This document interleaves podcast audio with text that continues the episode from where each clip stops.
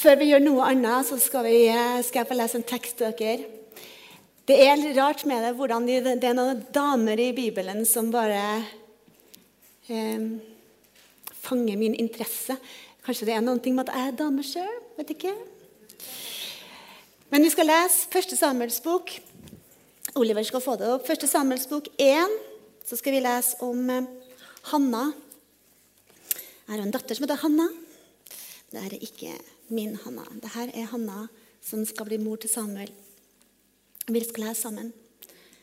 Nå skal vi se. Dette er veldig mange, altså tenkte jeg meg selv, ok, Nå skal jeg liksom lese denne teksten. Jeg med min dysleksi, og så er det sånne, sånne, ganske sånne lange Ok, vi begynner. Det var en mann fra Ramatayim, Sofim, fra Efraims fjellene. Hans navn var Elkana, sønn av Jeroham, sønn av Elihu, sønn av Tohu, sønn av Suf, en eframitt. Han hadde to hustruer. Den ene hadde navnet Hanna, og den andre hadde navnet Peninna. Peninna hadde barn, men Hanna hadde ingen barn. Hvert år dro denne mannen opp fra sin by for å tilbe og ofre til herskarens herre i Sio. Der var de to sønner til Eli, Hofni og Pinas prester for Herren. Hver gang dagen kom da Elkana skulle ofre, pleide han å gi en andel til sin hustru Peninna og alle hennes sønner og døtre. Men til Hanna pleide han å gi en dobbel del, for han elsket Hanna. Selv om Herren hadde lukket hennes mors liv, som på denne tida var en stor skam. Han trodde det var en forbannelse fra Gud. faktisk. Hennes rival egget henne kraftig for å gjøre henne vred, for Herren hadde lukket hennes mors liv. Slik gjorde han år etter år. Når hun dro opp til Herrens hus, plaget hun henne. Derfor gråt hun og ville ikke spise. Da sa hennes mann Elkana til henne, 'Hanna, hvorfor gråter du? Hvorfor spiser du ikke? Hvorfor har du sorg i ditt hjerte?' 'Er ikke jeg bedre for deg enn ti sønner?' Så reiste Hanna seg opp etter at de hadde spist og drukket i Sio. Pressen Eli satt på en stol ved dørstolpen til Herrens tempel. Hun var bitter i sin sjel, og hun ba til Herren og gråt heftig. Så avla hun et løfte og sa, Herskarens Herre, hvis du bare ville se til din kjennerinnes ringe stand og huske på meg, og ikke glemme din kjennerinne, men vil gi din kjennerinne et guttebarn, da skal jeg gi ham til Herren alle hans levedager, og ingen rakkniv skal komme på hans hode. Mens hun fortsatte å be slik for Herrens ansikt, skjedde det at Eli la merke til munnen hennes. Han hadde talt i sitt hjerte. Bare leppene beveget seg, men stemmen hennes kunne ikke høres. Derfor tenkte Eli at hun var drukken. Så sa han til henne, 'Hvor lenge skal du gå drukken? Få vinen bort fra deg.' Men Hanna svarte og sa, 'Nei, min herre, jeg er en kvinne med en sorg i min ånd.' Jeg har ikke drukket verken vin eller strekt drikk, men jeg har utøst min sjel for Herrens ansikt. Se ikke på din kjennerinne som en ondskapens datter, for det jeg har talt til nå, er bare ut ifra min store sorg og sorg, sin store nød og sorg. Da svarte Eli og sa, Gå bort i fred, og må Israels Gud gi deg det du har bedt ham om. Og hun sa, La din kjennerinne finne nåde for dine øyne. Så gikk kvinnen sin vei og spiste, og ansiktet hennes var ikke lenger så trist. La oss bare be. Himmelske Far, du ser dine ord, Herre. Herre Far, la dine ord få lov til å være til velsignelse i dag. Herre Far, jeg ber at ikke jeg skal komme i veien for det, Herre. At det her skal få lov til å være din oppmuntring, Herre Far, til ditt folk. At du skal velsigne det, Herre. Amen. Yes. Jeg har, eh, jeg har liksom prøvd å være litt sånn eh, det her er jo litt uvant for meg, dere som er vant til å se meg her. Da er det som regel så, så skal jeg snakke minst mulig. Da skal jeg få lov til å lede lovsang, men denne gangen her så skal jeg få lov til å dele litt det Gud har lagt på hjertet mitt. Og jeg skal love dere det at Eh, det har, en, det har vært en, voldsom eh, rollercoaster. Eh, det har vært sånn Trond Inge spurte, og han gleda seg til å høre meg. Og så sier jeg ja, det har jeg gjort òg, av og til. Så har jeg grua meg veldig, og så har jeg tenkt at kjære Gud, hva er dette her? Hva har de virkelig gjort nå? Um, Og så har jeg valgt å kalle, altså jeg, jeg prøvde å liksom skal være strukturert her nå, så er liksom det første punktet her kalt det for svindlersyndromet. For det var det som slo meg. Jeg føler meg, jeg liksom, I perioder så jeg følte meg som en litt sånn der, en, en svindler. De, hvis de bare hadde visst hvor lite jeg har å komme med, hva jeg egentlig kan, hva egentlig jeg har, så har de aldri latt meg slippe det her. Og jeg tror at vi innimellom har litt av det her i oss, alle sammen. Vi føler liksom på at, at 'Å, herlighet, de skulle jeg bare visst'. Og så skjuler vi litt det vi Altså Vi skjuler liksom, vi er redd for å vise oss sjøl fordi vi er så redd for at de forventningene som folk har til oss, ikke blir oppnådd. Skjønner dere? Og så sier han ja, men du er så flink til å prate. Ja, det Jeg kan jo prate folk i senk, jeg. Alle lovsangerne flirer. Jeg skjønner ikke hvorfor dere flirer av det. Ja. eh, ja. Men vi ønsker noe mer. Eh, og Gud har lagt noe i hjertet mitt. Og, og, min største frykt som jeg har hatt Ragnhild her før møtet, det er at, at, rett og slett jeg skal komme i veien. Fordi at vi, eh, vi har med oss ting som vi, som vi alltid jobber med. Eh, jeg, jeg, skal fortelle litt min historie. og det er helt rart, for at jeg vokste opp i kanskje, For meg så har det vært, jeg hatt verdens beste barndom. Både mamma og pappa er jo her. Jeg har hatt eh, jeg har søsken rundt meg som har både fått herda meg og som har fått pusha meg. og vi har fått vokst opp sammen. Jeg har vokst opp på gård med farmor og farfar. En farmor som, var, som ba, som trodde Gud. Eh, jeg har fått lov å ha verdens beste oppvekst og fått lov til å være veldig trygg i det. Men, men det var ikke så enkelt, fordi at um, Jeg sleit veldig på skolen. Jeg hadde kjempeproblemer på skolen. Uh, og, det, og det, er, det, ble for meg en, en, en, skam som jeg prøvde å skjule så godt jeg kunne. Fordi at jeg har dysleksi. Jeg er ordblind. Og jeg har nok fått det i en litt mildere grad enn veldig mange andre som strever mye mer enn meg. Men når jeg gikk på skolen, så er det noen år siden jeg gikk på barneskolen, og da var det ikke så veldig kjent blant lærere akkurat det her med ordblindhet. Sånn at når jeg da sleit veldig på, med skriving og husk tall var kjempeutfordrende. Fortsatt litt utfordrende. Eh, fortsatt veldig utfordrende, jeg skal ikke ligge om det. Eh, og det å skrive språk, eh, der ble det veldig avslørt. Mens jeg på muntlig fag klarte meg litt bedre. Men problemet var at denne følelsen med at ikke jeg var flink nok Jeg klarte ikke å huske det. Det, det stokka seg. Jeg kunne skrive setninger, og det etterpå så, så jeg bare at det her er jo ikke et ord engang. Altså for Både dobbeltkonsonanter blanda seg. Det var veldig vanskelig å se. Eh, og det gjorde at jeg da trakk meg veldig tilbake på det. For eh, det var ikke så kult, det. Eh, jeg følte liksom at jeg var, jeg, jeg var redd for at, skulle, at, folk skulle se at jeg egentlig var dum.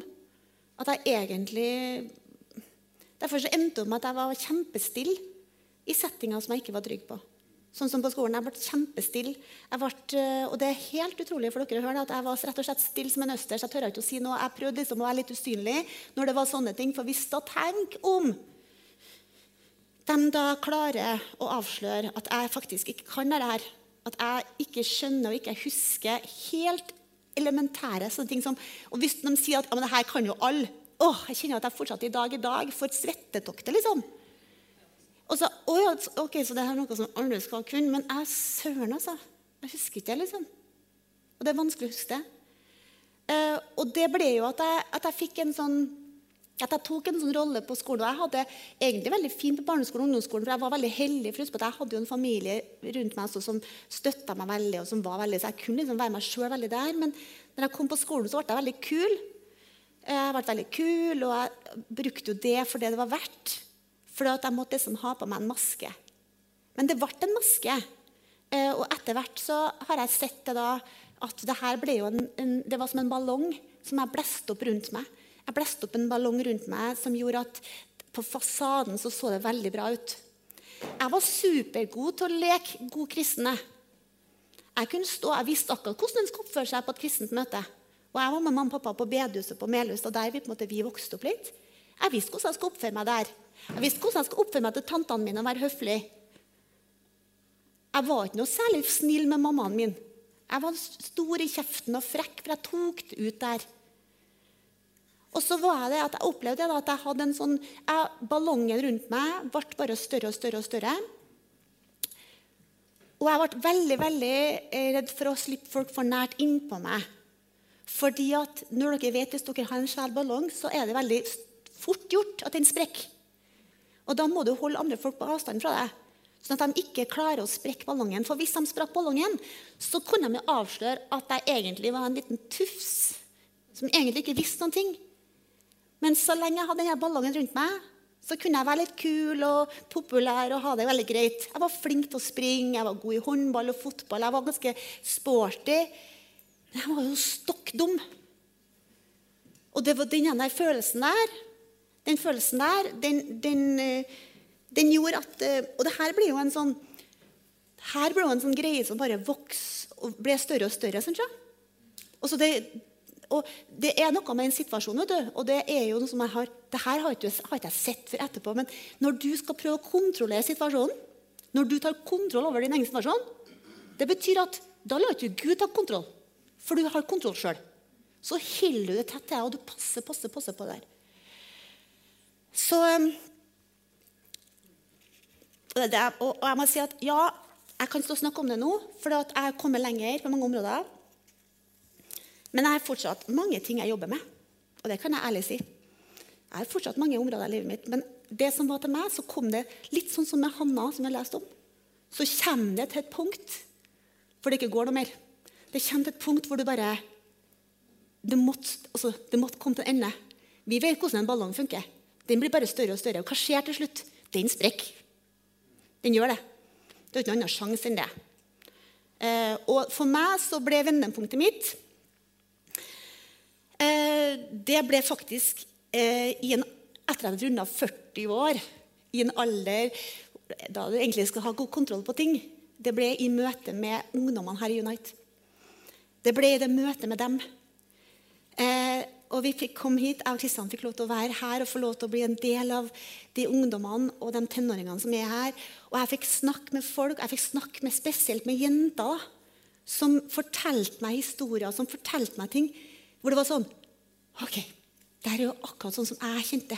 Det er akkurat sånn som jeg fortsatt har det. Og det bare ble en aha-opplevelse. Det ble sånn at Den frykten som jeg hadde for å bli avslørt altså Hjertet mitt for dem ble større. Jeg kjente, vet du, jeg kan ikke, Hvis jeg skal kunne gi noen ting til dem, så kan ikke jeg gå rundt her som en sabla ballong. jeg kan ikke det. Jeg elsker dem for høyt til det. Og Jeg opplevde det på samme måten som ungene, ungene mine ble større. Og sånn som hjem så, så var jeg noe annet, men når jeg kom i settinger som jeg ikke hadde helt kontroll på Så jeg kjente at, vet du, Og med Guds hjelp så klarte jeg faktisk det i settinga med ungdommene. For jeg så det at vet du, Gud elsker meg faktisk også, og han har gitt meg noe. For det kan vi også kjenne på vi vært, hvis vi har vokst opp i en god hjem, og du har ikke opplevd verken rus eller misbruk eller, eller, stor nød av noen slag, så tenker du at har, jeg har jo ingenting å komme med. Og så kjente jeg at Gud sa vet du, dette her skal du faktisk gi videre. Og jeg kjente at det som kanskje hadde vært min største skam, ble også det som jeg kunne bidra mest til i møte med mange av de jentene her. Spesielt de jentene her. Og så er det så latterlig, vet du. Og så tror vi at dette er en sånn ting som så tror vi dette er en ting som bare er, handler om fjortiser. Sant, ja?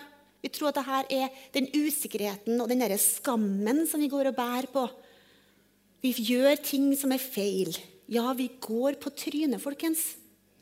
Hver eneste dag så gjør vi ting som vi tenker Å, kjære Gud. Men han er så tålmodig. Men vi som er Og det jeg opplevde at jeg i den alderen av 40 år kunne få lov til å fortelle jentene på 14 og si at vet du, Herlighet. Jeg går på trynet, jeg òg. Og det spiller ikke noen rolle det, vet du, hvor mange ganger du går på nesen. Det handler om hvem som løfter deg opp igjen. Og at du skjønner det, at det er ikke noe skam. Vi skal slutte å skamme oss for så mye. Og vi går rundt og bærer på det. Vi går rundt og bærer på ting inni oss som vi tenker at å, her må ingen se. Og tenk om de avslører det her. Da kan jeg bare dra herfra og flytte øy.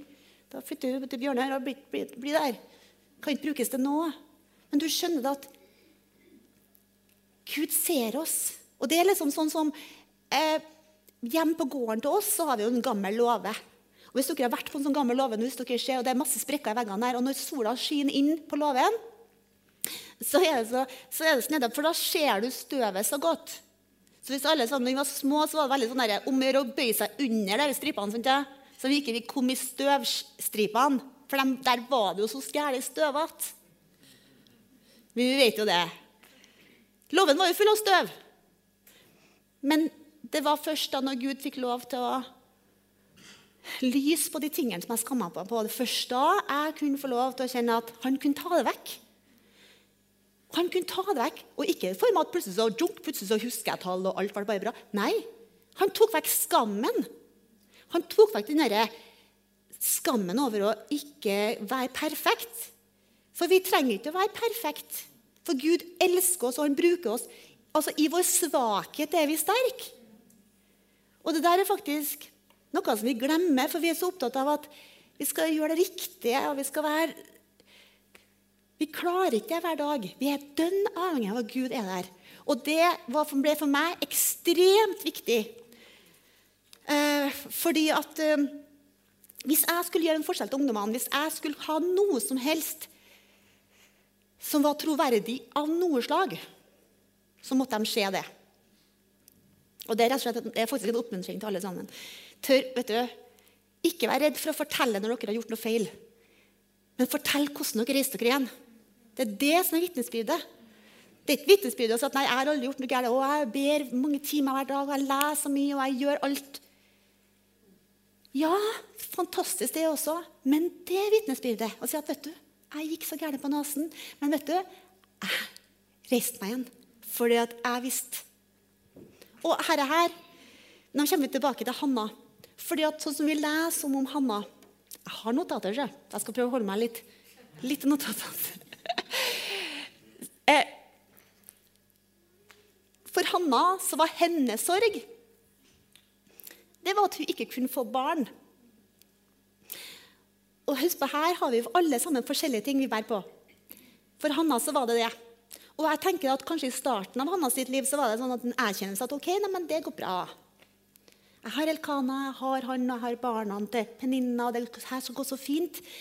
Men så ser vi det, så leser vi det, at over tid så ble det her veldig veldig tøft. Og hun ble bitrere og bitrere. Og hun slutta å spise. Hun hadde en enorm sorg. Og her, den sorgen at ikke hun kunne få barn, den ble, alt, den ble all, veldig, veldig stor. Så for Hanna så ble det her så frustrerende. Og det som jeg tenkte når jeg leste stykket her, at vet du, hun hadde i mange år vært veldig sånn snill pike. Hun hadde dratt på konferanse sammen med, sammen med mannen sin og sin medhustru og oppførte seg som en snill pike og en pliktoppfyllende hustru. Gått fram der med sitt offer og gjort det hun skulle gjøre. Og det veldig religiøst, folkens. Og det slo meg at vet du, her hadde hun vært, altså her, her er ikke noen relasjon men idet hun åpna munnen sin, idet hun bestemte seg at dette her går ikke, og hun åpner munnen sin og bare Nå ropte hun ikke ut, men i hjertet så ropte hun til Gud, og så sier hun det at dette her orker jeg ikke mer. Hun var ikke, så kanskje hun tenkte at vet du, nå får du bare ta meg som det er. Jeg har mislyktes uansett. Hun bare ropte ut sin smerte. Og vi så da hvordan Gud, faktisk, hvordan Gud hørte henne. Og jeg har også tenkt på det at grunnen til at ikke det her altså Sara, eh, For Hanna så var det store store planer. Det var store planer for hennes liv. For hun, Vi ser jo senere her at hun skal føde en sønn. Og Samuel ble jo profeten Samuel som fikk salve de største kongene. Fikk salve kong David. Og han ble en stor mann for Herren. Så Hanna hadde en helt spesiell rolle. Og jeg tror det var helt essensielt for Gud at Hanna skjønte at det her er ikke deg, det her er meg. Det her er meg. Så hun måtte komme til et punkt der hvor hun skjønte at jeg trenger Gud. Og jeg syns det er et godt eksempel. Jeg, jeg, jeg, har, jeg, Vi ser litt film hjemme hos oss. da. Uh, og uh, nå går det en film, det, det er en film som heter Terminator. Det er en film fra 80-tallet. Er det noen som husker den? Som er så gammel som meg? Ja. Altså, brutal film. Det er det. Så OK, hold dere fast. Vi tuller litt med det hjemme til oss, men dette er en typisk film som ikke er laga for min mor. Vi har helt sikkert sett den filmen i stua, og da har mamma stått og sagt nei, huff. Det her er mye skyting og mye dreping. Og det er det. Men det, jeg vil bare fortelle dere et eksempel. For fra den filmen her, fra den første filmen så ser vi i åpnings, eller til starten av filmen så ser vi hvordan hun, Sara, eh, Sara Connor heter hun, og hun er hovedpersonene. Hun en, jobber i en kafé i, en, i, en, eh, i, Los Angeles, i en diner i Los Angeles. Og hun jobber, som, jobber der. Hun Sara har ikke spesielt fått det til i livet. Hun er servitør har kanskje rota det til litt mer enn de vanlige. Men hun en helt vanlig dame som står der på jobb. Så kommer da Arnold Schwarzenegger inn. Eh, det er ikke sikkert alle sammen vet, husker hvem han er, men nå er han jo guvernør. Men han var jo da en superhelt. Svær, sånn muskuløs eh, fyr. Og i filmen her så er han da en robot med menneskenatur. Ja. Ikke sett dere fast i det, men den er helt crazy. Og han kommer inn i den dineren her med en gigantisk maskingevær og bare skyter løs. Eh, og Sara gjemmer seg bakom eh, skranken, og så kommer det en mann bort til Sara og så drar hun ut og så sier hun, vet du, hvis du vil leve, så må du bli med meg. Og Sara vil leve. Så selv om mannen her er en helt fremmed mann for hun, så blir Sara med. Han drar henne ut. Og hun eh, hopper inn i bilen sammen med han, og idet de sitter inni bilen, så forteller han mannen her til Sara at du kommer til å være helt avgjørende i et slag. Du kommer til å, redde, du kommer til å være helt avgjørende for at den planeten her blir redda. Og hun bare Nei, du tuller. Det går ikke an. Det er jo helt usannsynlig.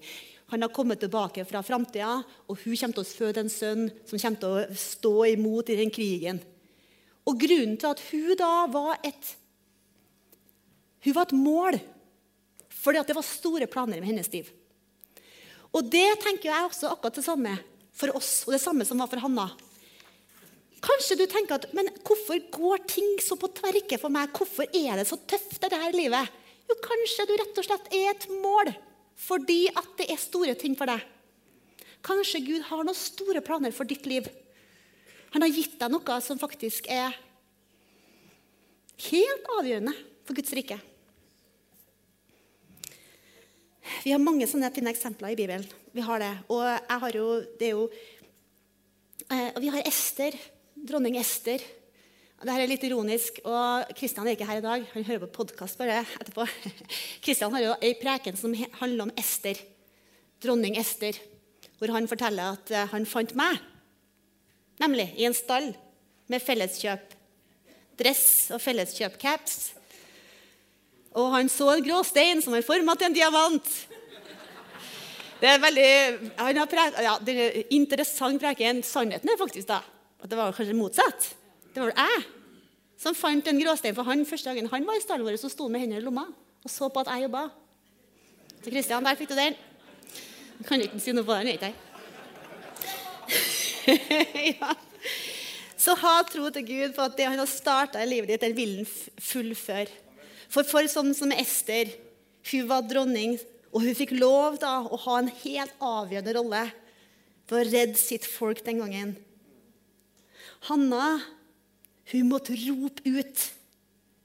Og for Sara, liksom, til Abrahams hustru også, hun måtte jo vente. Hun trodde at alt var over sånn, før hun skulle få sitt barn. Men det som er så viktig, da, at du må vite hvem som snakker til deg. Sånn, du må vite hvem som snakker inn i livet ditt. Hvem lar du snakke til deg? Hvem hører du på? Og det var så fint. Vi, en, eh, vi har jo en fantastisk fin gjeng i Tentro. Eh, og så hadde vi her etter jul et, eh, en, som handla om forhold. Og da hadde vi et eksempel bare på Da, fått, da, da fikk jeg med masse julegaver. Hvis du ser for deg en, hvis du har to pakker en pakke som er kjempefint pakka inn med rosetter og lekkert papir. Og så har du en pakke som er pakka inn i avispapir. Stroppa rundt på noe sånn elektrikerteip. Så tenker du hvem, hvem blir du mest frista etter å ta? Hvis jeg, du får valget. Hvem vil du ha? Og så var det Milla, vet du. Fantastiske Milla som bare sier Ja, men det, det, det, altså, det spørs jo, da, hvem de er fra. Ja, det gjør nemlig det. For du må nemlig vite Du må vite hvem det her er fra. Fordi at eh, djevelen kan være kjempeflink til å pakke inn fin tann. Skjønner du? Men det, vi vet jo det når vi får julegave, det er ikke innpakninga som teller. For det som Milla var så kul her og sa, det var at hun visste nemlig det. At de gavene hun gleda seg mest til til jul, det var gavene fra faren hennes.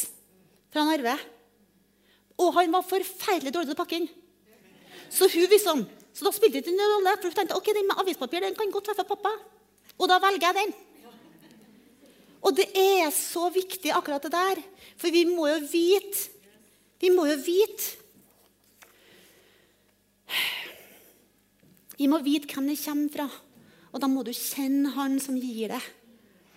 Og for å kjenne han som gir det, så må du bruke tid sammen med han som gir det. Og det er jo også en sånn som har vært en utfordring for meg. fordi at du skjønner at når du får gaver, så kan du også plutselig tro at det her er det. Jeg fikk en gave til å synge. Det betyr at ånden skal jeg bare synge. Og det er det jeg skal gjøre resten av livet. Og Jeg har opplevd så mange som har sagt at ja, men dette er talentet mitt. Men det er ingen som ser meg. Det er ingen som bruker meg. Husk det at den gaven du har fått, du har fått den for at du skal forvalte den. Du har fått den for at du skal ta vare på det. Du skal ta vare på det fra Gud. Det samme som med liknelsen om talentene. Han fikk for at de skulle passe på det. For ingenting har vi fått det, og ingenting gir vi det videre. Så vi har det for at vi skal bruke det til Guds vilje. Og det betyr at du da faktisk må miste kontrollen over det. For du gir det videre. Det er ikke ditt eget som jeg skal klamre meg til, og det er det eneste jeg har fått. Nei, i denne perioden skal jeg få lov til å bruke det her som Gud har gitt meg. Men for at vi skal kunne få, så må vi faktisk gi den muligheten til å se at du kan vokse i det. Og så kan du tenke at men hvorfor har noen fått så mye, og, andre har fått mindre? Vi husker lignelsen talentene. Han ga dem etter hva de hadde evnen til. Han premierte like mye, han som hadde dobla de ti sekkene. i forhold til den som hadde de fem, de fem sekkene, altså to sekkene. Men hva gjør du med det du har fått? Den gaven du har fått? Så det du har, er stort. Og det du har fått, du har fått. Og vi har en tålmodig Gud som aldri gir oss opp. Han, og Det er litt sånn som jeg har kjent på i mitt liv, det at han har sagt til meg. Og det er så latterlig det, du, når du hører at Gud sier at 'Jeg er jo her, jeg'. Så kom når du er klar, du. Men du må slippe det du vil at jeg skal hjelpe deg med. Men det er litt sånn som eh, Ragnhild, kan ikke jeg få låne flaska litt? Ok, nå skal jeg, her jeg gjør det til ungdommene en gang her. Men du ser, ei sånn flaske, vet du. Hvis det her er, her er meg nå Nå er jeg litt sånn halvfull. Det var kanskje litt dårlig. Si at jeg har vært full, da. Men ok. Vi er fylt opp. Gud har gitt oss det vi trenger. Så står jeg og sier OK, Gud, bruk meg. Kom igjen, Gud, bruk meg. Og, han, og liksom, bruk meg. Men jeg har jo ikke åpna toppa. Sånn, nei. For jeg har ikke jeg, Nå har jeg kontroll. Men hvis jeg skulle ha åpna toppet her nå og begynt liksom Da hadde jeg blitt småstressa, for det første. Men hva skjer da? Da vil det som jeg har, da vil jeg på en måte miste det jeg har. Skjønner dere? Jeg gir det bort. Jeg gir det jeg har. Men hva er det Gud kan gjøre da, når jeg da har tømt ut det her som jeg har fått?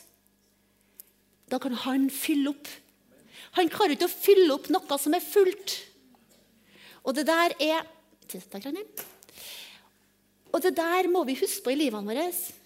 Det lille du har fått, tør å gi det. Og jeg vet ikke hvor du er hen i livet i dag. Vi vet ikke det. Kanskje du er en sånn som Hanna, som faktisk da kjenner at du, nå er det snart nok.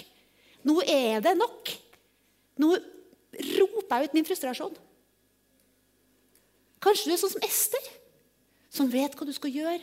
Du vet at ok, tiden være riktig. Jeg må gjøre det jeg må gjøre. Jeg må, jeg må gi Gud. Jeg må, okay, jeg må være med på det her. Kanskje du er sånn som Sarai. Abraham sin hustru, som tenker at vet du, det her er, nå er ferdig. Det er ikke noe mer igjen for meg. Men det Gud har starta, det vil han alltid fullføre. Han vil alltid fullføre. Og det er litt sånn, vet du At Gud er, kjærligheten til Gud er uendelig. Og jeg har Når du tror at Gud er den han sier at han er, og du bestemmer deg for å tro på han, så vil den sannheten sette deg fri. Og du vil klare å stå når det stormer. Og i alle sesongene av livet ditt. For det er det, vet du. Vi har forskjellige sesonger i livet vårt. Og han elsker deg, og han ønsker å bruke deg. Dere kan, Martin, kan få komme på. Vi skal fortsette å synge litt Waymaker før vi gir oss.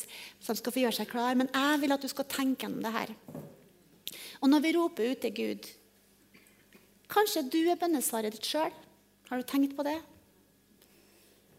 Du vet at uh, da disiplene uh, i Johannes uh, I Matteus 14, 16 så sier Jesus til disiplene sine og Da har de en hel folkeskare som har vært der og som begynner å bli sulten. Og de Disiplene kommer til Jesus og sier ok, de må ha mat. Så sier Jesus dere skal gi dem mat.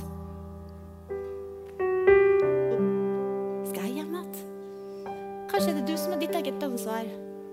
Når vi ber om fred, kanskje det er du. Er vi villige til å gi når andre han tar? Er du villig til å stå der når andre han svikter? Når du ber om vekkelse, det er du. Når du ber om frelse for dine venner og naboer, det er du. Gud har sendt oss. Han har sånn trua på oss, og han er så tålmodig, og han venter og venter på oss. Han, altså, vi kan gå på snørra mange ganger, vi. Klarer ikke det sjøl uansett. Så det er bare å vise hvem du er. Vær stolt av den du er, for du er Guds barn. Vi er et Guds barn. Og jeg vet ikke hvor du er. Det eneste jeg vet, er at eh, han forandrer seg ikke. Gud er akkurat sammen i dag. Så, og det vet også det at eh, når du står på scenen her, så får vi, kan du få kred fra mennesker. Og det har også vært en, eh, en ting som har vært snakka mye om i lovsangsarbeidet også. Fordi at uh, Gud ser til hjertet ditt. Så det du gjør her, om du går, kommer fram, eller om du Gud ser til hjertet ditt. Det er du som må bestemme deg. Du må bestemme deg hvor du er i livet ditt. Om du har kommet til et vendepunkt. Om du står akkurat nå kanskje på et steg at du gjør noe spennende i livet, og du kjenner bare frykten tar deg. Eller om du tror at faktisk alt er Min tid er over. Nå skal jeg bare sitte her og Gud har store planer. Det er aldri for sent. Og Vi har jo sagt det før, jeg og Kristian. Også, vi har fått lov å være ungdoms, ungdomsledere. Kristian er ungdomspastor. Jeg får lov til å jobbe sammen med han i ungdomsarbeid i Betel. Tenk det, dere er ungdomspastorer som er 45 og 47 ja, 48 var det Kristian nå. Jeg blir 46 snart. Skikkelig gamlinger. Vi er det. Men ok, det tok litt tid, da. For mitt vedkommende så tok det tid for at jeg skulle tørre å La Gud få lov til å bruke meg. Og jeg gleder meg til den dagen jeg kan få lov til å stå her og vitne om, eh, om andre områder i livet mitt. For jeg er fortsatt på vei. Fortsatt så er det ting som jeg sitter og holder, som jeg bekymrer meg over. Og så står liksom Gud og sier at 'Hallo, Heidi, jeg har sagt jeg skal ta det'. Ja, nei, men jeg bare Jeg skal fikse det sjøl først. Men jeg frykter at jeg kommer helt dit ennå at jeg tør å legge alt.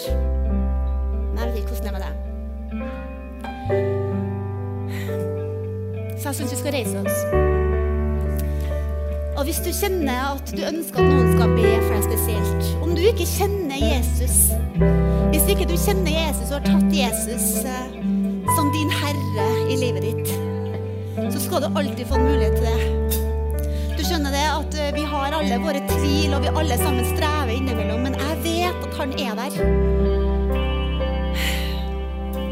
Jeg hadde aldri vært stått her uten han. Aldri vært der jeg har vært i dag uten han. Hvis du, ikke, hvis du er her i dag og ikke kjenner Gud, så skal du få rekke opp hånda di. Så kan vi bare be sammen for deg nå. Vi gir alltid en mulighet for det.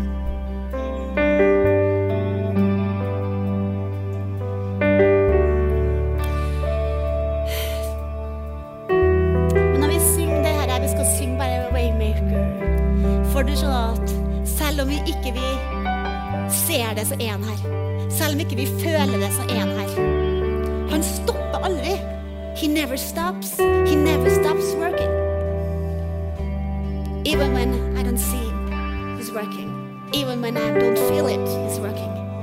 He never stops. Så jeg håper det her kan være oppmuntring til en av dere i dag.